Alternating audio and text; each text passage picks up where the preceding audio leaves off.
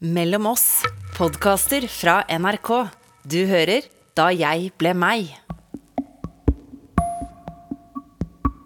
Um, jeg våkna veldig tidlig den dagen.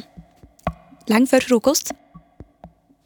Og jeg visste at jeg kom til å ta et valg som var et brudd med det jeg hadde sett for meg at jeg skulle gjøre i alle de år, og det jeg hadde jobba for. Fatima Almanea skal velge karrierevei på tvers av det som er forventa. Det her skal bli en hendelse som gir livet ny retning. Så visste jeg jo at det var siste frist, da.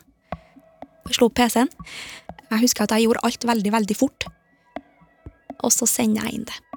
Klapper sammen PC-en og går ned til i stua, hvor mamma og pappa etter hvert eh, dukker opp, da. Et brudd med alt sammen, egentlig. Noen trykk på et tastatur, et uventa valg, et øyeblikk som blir stående som noe viktig. Fatima forteller fra sin historie. En historie satt sammen av små og store hendelser. De hendelsene som gjør hun til den hun er. Jeg heter Fatima Almanea. Samfunnsdebattant, politiker og student. Født den 26. januar i 1995. I Basra, Irak. Jeg er jo en av fem unger i en familie bestående av sju. Vokste opp med tre brødre og ei søster. Fatima er den førstefødte, storesøstera. Så jeg leder, leder gjengen. De første åtte årene bodde Fatima i Basra, Irak. Eh, Vi bodde, en periode så bodde vi sammen med bestefar i en eh, flergenerasjonsbolig. Det var en veldig stor bolig.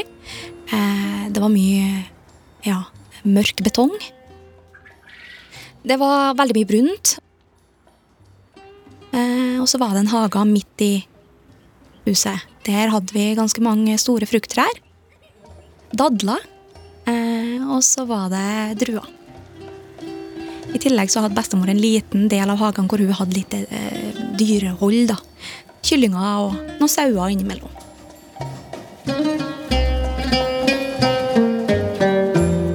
USA prøvde å drepe Saddam Hussein i det første angrepet. Irak svarte med raketter mot Kuwait.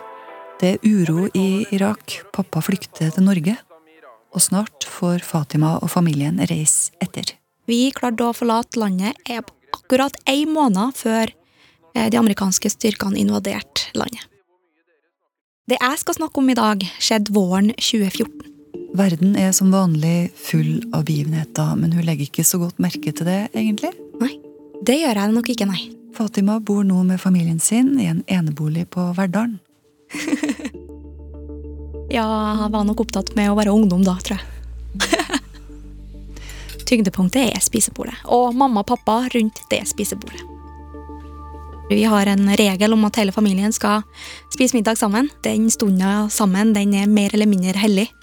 Noen ganger så kan det være at eh, noen sliter med å gjøre noen ting, har fått en oppgave eller et oppdrag som en ikke helt eh, ser hvordan skal løse. da. Og så drøfter vi det litt og finner ut hvordan vi skal håndtere det i lag, da, om vi, noen har noe innspill. Men eh, mye tull og mye fjas.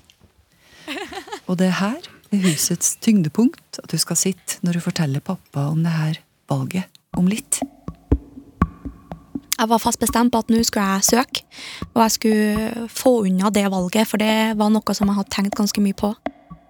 Eh, og jeg visste at jeg kom til å ta et valg som var et brudd med alt sammen, egentlig. Slo, slo opp PC-en, eh, fant fram eh, ja, søknadsweb og søkte det jeg trodde da, eh, var det riktige studievalget for meg. da. Jeg husker at jeg gjorde alt veldig, veldig fort. Jeg ville ikke gi meg sjøl muligheten til å revurdere enda en gang. da. Eh, og så satt jeg der og egentlig ikke ville bli påvirka av noen. Så det var grunnen til at jeg våkna veldig tidlig. Lenge før frokost. Det kunne være at jeg møtte, møtte broren min, eller møtte søstera mi, eller møtte mamma og pappa, som var veldig nysgjerrig og spent på hvilke valg jeg kom til å lande på. Eh, men mest av alt tror jeg kanskje å møte, møte pappa, da. Eh, for han hadde jo veldig lenge ønska at jeg skulle bli lege. Drømmen hans, hans store drøm i livet var at jeg skulle bli lege, og jeg trodde jo veldig lenge at det var drømmen min òg. Klikker meg fort og gæli gjennom alt, egentlig, men sørger for at prioriteringslista er rett.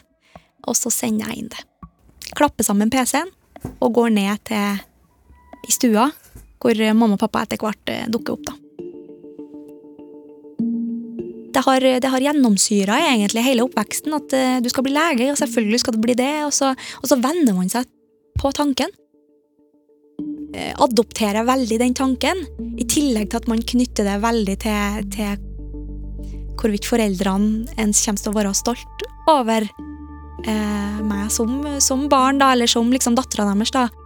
Og så blir det en litt sånn mektig, veldig mektig kost på sikt. da. Eh, og jeg klarte jo Jeg levde meg veldig inn i det, da. Fatima har en lærer på videregående som stiller litt forstyrrende spørsmål. Hvorfor vil du det her? Hva er det som gjør at du ønsker å bli lege? Hvorfor, ikke, hvorfor vurderer du ikke andre muligheter? Jeg hadde jo gått rundt og knytta hvorvidt jeg ble et suksessfullt menneske, eller hvorvidt jeg lyktes i livet med det å bli lege. sant? Fikk jeg til det, så var jeg et vellykka menneske. Fikk jeg ikke til det, så var på en måte alt forgjeves. Til å begynne med så avviste jeg dem veldig. sant? Selvfølgelig vil jeg bli lege, jeg skal jo hjelpe folk, jeg skal redde mennesker, jeg skal være med i Leger uten grenser. Det skal jeg gjøre. Selvfølgelig skal jeg bli lege. Eh, og da var jo hun veldig kjapp til å si at ja, det, det tror jeg kan bli veldig bra. Jeg tror du kan bli en utrolig dyktig lege men jeg tror òg at du kan bli mye annet bra. Så hun begynte jo å så noen frø, og hun var veldig tålmodig. Sant? Hun jobba, hun pleide meg i tre år. Jeg var den eleven som kom dit og krevde at alle andre var stille rundt meg, så jeg kunne konsentrere meg og få mest mulig utbytte av det hun sto og ja. Um, så hun, hun merka ganske fort at jeg hadde et litt sånn et uh, Hva skal jeg si, da? Et litt uh, At det var så blodig alvor. Jeg, jeg følte aldri behov for å, for å få ut og bare henge for å henge.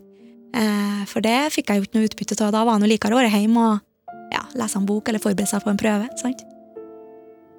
Jeg tror eh, jeg kunne hatt mange flere ettermiddager ut enn det jeg endte opp med å ha, da. Mm. Det tror jeg nok.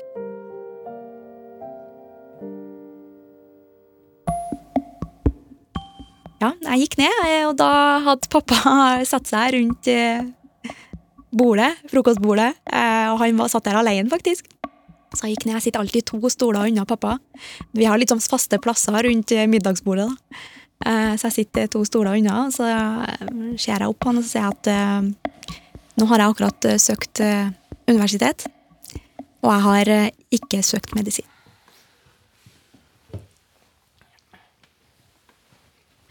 Um, og da tar jo han en lang pause, og så spør han uh, ja, hva har du søkt. Så sier jeg at jeg søkte uh, psykologi. Han syntes jo at det var et utrolig merkelig valg. Men uh, jeg skyndte meg å si at det var et årsstudium. At jeg kom til å vurdere i løpet av det året der da, om det var riktig, riktig studium for meg. da, Og kanskje ble det medisin likevel til slutt, hvem vet. Men jeg kjøper meg litt mer tid gjennom å ta et årsstudium. da. Og så spiser vi noe frokost og omelett, og så var det litt ost på bordet, og så var det et fruktfat. Heimbaka brød, for det bruker vi alltid å ha i helgen. Jeg kunne se at han ble litt sånn eh, Han ble overraska. Eh, og så tror jeg nok at han ble bitte lite grann skuffa. Det tror jeg. Jeg tror det handler ganske mye med sosial status. Eh, og så tror jeg nok at eh, det har mye med hva, hva leger gjør. Altså, Leger redder liv, sant? og det er vel ikke noe, ingenting som er så gjevt som å redde et liv. Eh, jeg trodde jo jeg kom til å skuffe han på, på, en måte som jeg aldri ville kunne gjøre opp for. Men eh, det var jo aldri reelt. Det var jo bare ting som jeg innbilte meg sjøl. Han hadde selvfølgelig en stor drøm om at jeg skulle bli lege, men eh, den største drømmen hans var jo at jeg skulle leve et godt liv, at jeg skulle bare ha det godt, da. Men jeg tror det er litt sånn typisk, da, eh, når man er ung, og når man er så glad i foreldrene sine som, eh, som vi ungdom er, da, at man eh, lager seg uoverkommelige forventninger, da. Som man liksom henger på dem, da, egentlig. Livet er fullt, fullt av tilfeldigheter og mange overraskelser. Eh, og de tingene som har skjedd meg i livet mitt, da, og som jeg har satt mest pris på, er kanskje dem som jeg ikke har planlagt noen ting.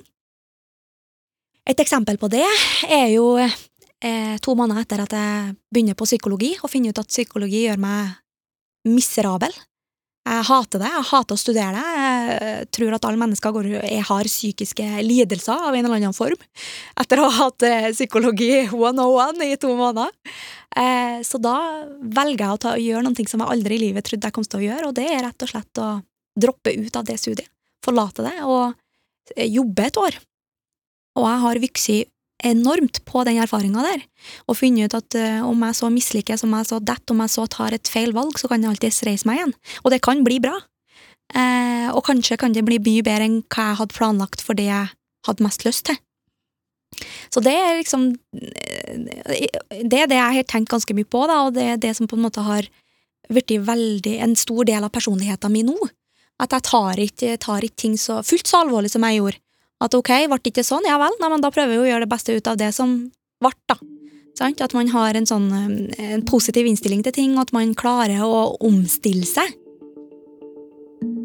Jeg trodde at enten så ble jeg lege og ble glad og lykkelig og livet ble perfekt, eller så ble jeg det ikke, og da gikk alt i grus. Så jeg har mye mer tillit til at ting ordner seg, og til at uh, livet ja, finner en sånn Hva skal jeg si, da? Uh, har en orden. Eh, at noen ganger kan det være litt vondt, noen ganger kan det være litt vanskelig. Noen ganger kan det kjennes urettferdig, men til slutt så blir det bra. Mm. Den podkasten her er laga av meg, Margrethe Nåvik. Du har hørt en podkast fra NRK. Hør flere podkaster og din NRK-kanal i appen NRK Radio.